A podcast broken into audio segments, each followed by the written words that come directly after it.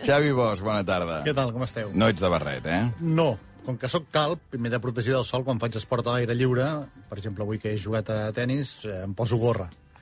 Però barret n'he tingut algun, però no me l'he arribat a, a posar mm. mai.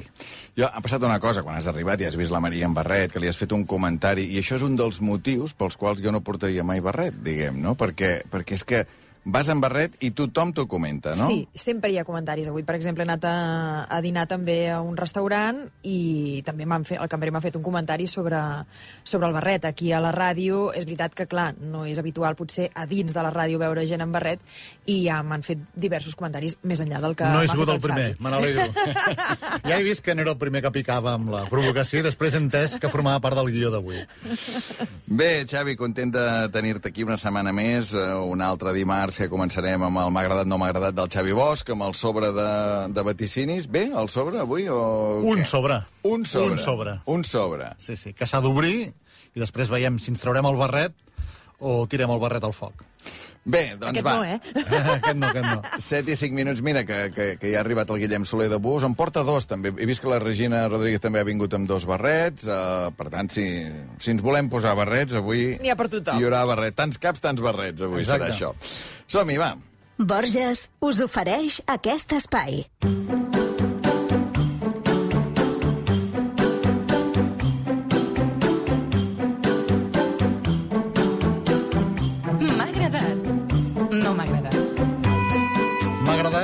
la mort de Josep Piqué, m'ha agradat recordar el temps en què els ministres del PP venien a aquest estudi de rac a fer entrevistes en directe. De fet, tinc una anècdota de quan vaig entrevistar Josep Piqué al món a rac per primera i única i última vegada. Era el setembre de 2006, feia tot just 10 dies que havíem fitxat de tertuliana a la Montserrat Nebrera i tot just en aquell moment Josep Piqué la va anomenar i la va posar de número 2 per anar a les seves llistes electorals. De manera que Montserrat Nebrera va venir una sola tertúlia i va haver de renunciar a continuar el programa. Total, que quan entrevisto el Piqué, amb la meva manera a vegades eh, poca solta de dir les coses, li dic per antena eh, vostè i jo ens hem enamorat de la mateixa dona. I l'home es va quedar blanc, glaçat. Jo em referia, lògicament, a Montserrat Nebrera. Però després es va saber que ell tenia una relació ja amb Glòria Lomana i l'home va quedar pàl·lid. I jo també. Descol·locat és poc.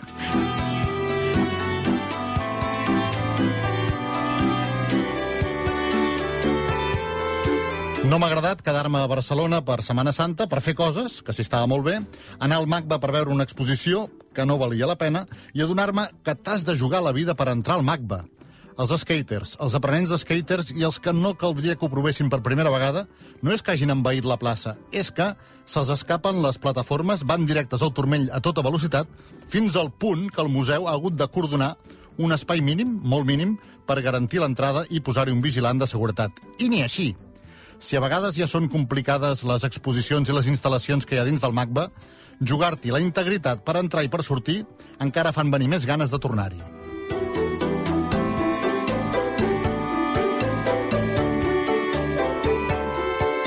M'ha agradat veure l'exercici setmanal de doble moral.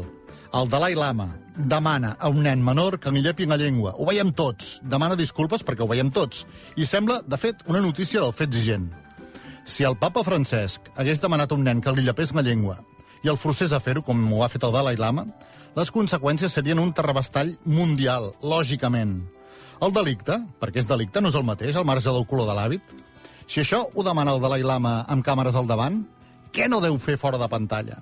Per què es parla més del cop de puny de Fede Valverde que del llep amb la llengua d'aquest líder espiritual? No m'ha agradat tampoc aquesta Setmana Santa anar a mirar obres i finalment entendre què provoca l'embús i què provocarà per sempre més la processó de retencions i embussos de cotxes que entren a Barcelona pels túnels de Vallvidrera. Resulta que aquestes obres que porten mesos fent-se a la Via Augusta i que estan a punt d'acabar eren per posar diferents parades d'autobús que ocupen tot un carril. De manera que tu pagues 4,88 euros de viatge i si amb tres carrils en hora punta d'entrada a la ciutat ja no donava de sí, ara el tap serà perpetu. Perquè, a més a més, atenció, la ziga-zaga que t'obliga a passar de tres carrils a dos passa amb la parada d'autobús que han posat a l'altura del carrer Vergós. torna a passar a l'altura de Tres Torres. Ho han tornat a fer just abans i just després de General Mitre. I encara ho tornen a fer abans de girar a la dreta per baixar Calvet cap avall. Cinc incomprensibles colls d'ampolla seguits. Ho fan per incentivar el transport públic? Doncs no se sap. Ho fan per tocar la pera a la gent d'aquests barris? Segurament. Ho fan perquè s'hi estimbin les motos? No ho vull ni pensar. Ho fan senzillament perquè no en saben més? Doncs el diumenge 28 de maig hi haurà eleccions municipals. Això sí, ningú no garanteix que els que vinguin ho puguin fer encara pitjor. Encara podem passar, de fet, de dos carrils a un de sol, i visca la incompetència.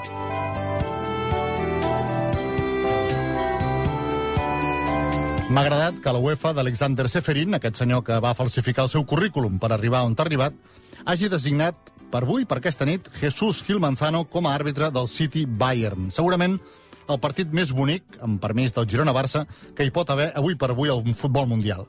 Doncs va i posen d'àrbitre Gil Manzano.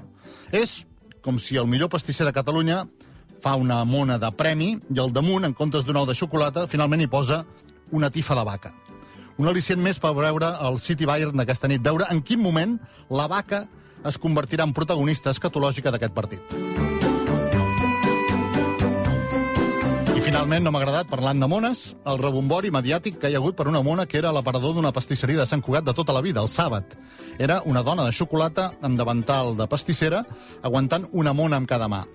L'han hagut de retirar de l'aparador perquè l'han acusat de racista. És a dir, aquesta setmana en què he vist mones, i les he comptat i les he apuntat. Mones de xocolata del Messi, de l'Ildami d'Eufòria, del Pikachu, del Vicky el Vikingo, de la Kings League i del protagonista de Succession, que no sé com es diu, ningú no vist racisme per enlloc perquè la xocolata negra és, és el que té, que és negra. El políticament correcte, quan arriba a caricatura, és francament ridícul. Anava a dir és fer la mona, que és sinònim de fer el ridícul en català, de fer el paperina o de fer el titella, però tampoc no ho dic perquè no s'ofengui ara el gremi de titellaires.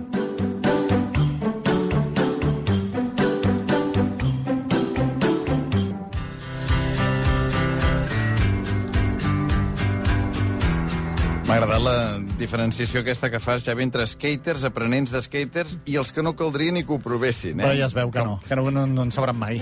Ni jo no hi entenc gens, però t'estàs una estona allà mirant la plaça i és un espectacle. Ho heu provat, algun dels dos? No. No. No, no, no. Tu? Jo, quan feia 6è de GB, i vaig decidir regalar l'skate el segon dia. Jo baixava, me'n recordo, el, en teníem dos a, a la Cerdanya, a Alp, quan estiuejàvem allà, i baixàvem per una baixada. La meva germana ho feia bé i jo asseguda, com si fos un trineu. És el màxim que he aconseguit fer eh, amb un skate. Ja has fet més que jo. Bé, uh, doncs escolta, m'ha agradat, no m'ha agradat despatxat. Anem a, anem a obrir aquest sobre de vaticinis. Un sobre. Un sobre. Un sobre, com el definia Xavi Bosch, sobre per obrir dimarts 11 d'abril de 2023. El sobre el va tancar el Xavi dimarts de la setmana passada a les 12 del migdia. Aquí dins hi ha d'haver 8 coses que han d'haver passat aquesta setmana, dues de les quals el Xavi ha triat que valguin dos punts. Comencem, com sempre, pels vaticinis esportius. Primer vaticini, val un punt. Lliga. El Girona juga al Camp Nou i pel cap baix i marca un gol. La va tenir. El Tati Castellano va fallar segurament el gol més fàcil de la seva vida. Ho vaig celebrar com si fos un gol del Barça, de fet, dret i tot, abraçant-me amb, el, amb el meu nebot. Però no va marcar el Girona, no va marcar. Tu tampoc has marcat? 0 de 1. Segon vaticini, val dos punts. Espanyol. El debut de Luis García acaba amb victòria. I vaig posar dos punts perquè el refrany aquell està molt clar, no? Entrenador nuevo... Eh, victòria segura. Victòria segura. Doncs no. Espanyol 1, Atlètic Club 2. Entrenador nuevo, un 0. Un cero. 0 de 3. El refrenyer popular, aquí. Tercer vaticini, Ep. Copa del Rei. Val un punt. Ep, La final la jugaran l'Ossassuna i el Real Madrid. ho tenien tot contra pronòstic, tant l'Ossassuna, que perdia 1-0 minut 18 a Bilbao, com el Madrid, que portava un 0-1 de l'anada. Es va classificar a la pròrroga i patint molt l'Ossassuna, i el Madrid va allisar el Barça a base de bé. Doncs mira, que et sap greu ara que valgui només un, Exacte, un aquest. punt. és que a més a més has encertat l'Ossassuna i el Real Madrid, tots dos, sí, sí. Un de 4. Un de quatre. Mira, gairebé el resultat de la setmana passada. Gairebé, sí. No, és el resultat de l'eliminatòria. Quart vaticini, futbol per Sant Jordi, val un punt. Futbol per Sant Jordi, la Liga manté el Barça Atlético de Madrid a l'hora d'un quart de cinc de la tarda. Notícia d'última hora, d'última hora, vol dir d'ultimíssima hora, a un quart de cinc del diumenge jugarà aquest partit que es podria haver jugat dissabte o es podria haver jugat diumenge a les 9, però no han d'anar a fer la guitza a llibreters, compradors, editors, autors, a tothom. Farà la guitza, però tu t'ha donat un punt, dos de cinc. Cinquè vaticini val dos punts. Golf. El Màsters d'Augusta, John Ram queda entre els tres primers. John Ram, jugador basc, havia jugat al Màsters d'Augusta des de l'any 2017 cada any i màxim havia quedat quart. Mai havia quedat entre els tres primers. Aquesta vegada va guanyar el Màsters John Ram. 4 de 7, perquè valia dos punts. Home, déu-n'hi-do, s'ha anat arreglant molt, això, eh? Sí, sí. Ja tens uh, molt. l'aprovat a tocar. 4 de 7. Televisió. Sisè vaticini. L'últim i tercer episodi de Crims sobre l'assassinat de Jordi Comas frega, per dalt o per baix, els 500.000 espectadors de mitjana. Dades d'audiència facilitades per TV3, el 18% de quota de pantalla, que en el cas d'ahir es concreten 416.000 espectadors de mitjana. No vaig calcular quan vaig fer aquest vaticini, Ah. que a la mateixa hora, a la primera part, coincidia amb aquest apassionant Barça-Girona. Cert, i a més a més, segurament també dilluns, encara dilluns de però- sí. O sigui, tu has dit, uh, a veure, el vaticini literalment diu Que frega, per dalt o per baix, els 500.000 espectadors de mitjana, 416 no frega. no frega. No frega. No frega. Doncs ens mantenim amb aquest 4, ara de 8, 4 de 8. Pensava que pidolaries, però veig que no, ha sigut fàcil. No, no, és, és. Obituari preventiu, setè, penúltim vaticini, val un punt. Ha fet mutis i prou pena aquesta dama de l'escena. Aquesta setmana se mor el Pinocho, se mor el Piqué, en Josep Piqué, se mor el Sánchez Dragó, però no consta cap gran dama de l'escena teatral o cinematogràfica mundial. Ai, ai, ai. 4 de 9. 4 de 9. Qui salvarà, qui salvarà Qui Xavi salvarà? Bosch? Qui salvarà Xavi Bosch? Vuitè i últim vaticini, Joan Carles de Borbó continua sent rei emèrit. Em salvarà el Barrut, que tornarà a Espanya per fer una altra regata a Xanxenxo, amb dos collons. I no l'has vist, la fotografia, aquesta setmana, amb la seva filla, amb la infanta Helena i en Froilán allà a No. Abu Dhabi? No, jo tampoc l'he fita. Sí, no l'he eh? no l'he vista. No l'he vist, no l'he vist. No. Sí, Això com queda, Maria? 5 de 10, Bueno, aprovat, home. aprovat. Un sobre. Un sobre. Un sobre. Un sobre, un aprovat, un aprovat, rescat, perfecte.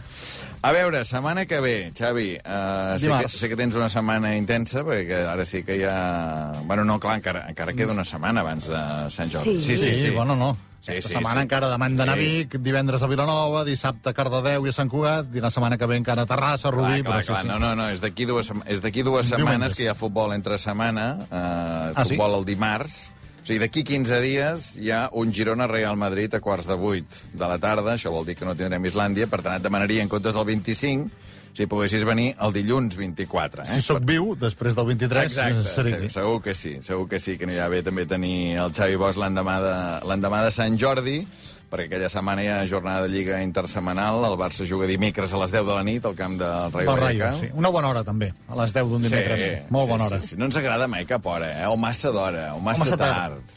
Un quart de cinc, més que res, a part de fer la guitza per Sant Jordi, és que és l'hora de la migdiada. El Barça un quart de cinc, on jugadors eh, tenen aquella morrinya...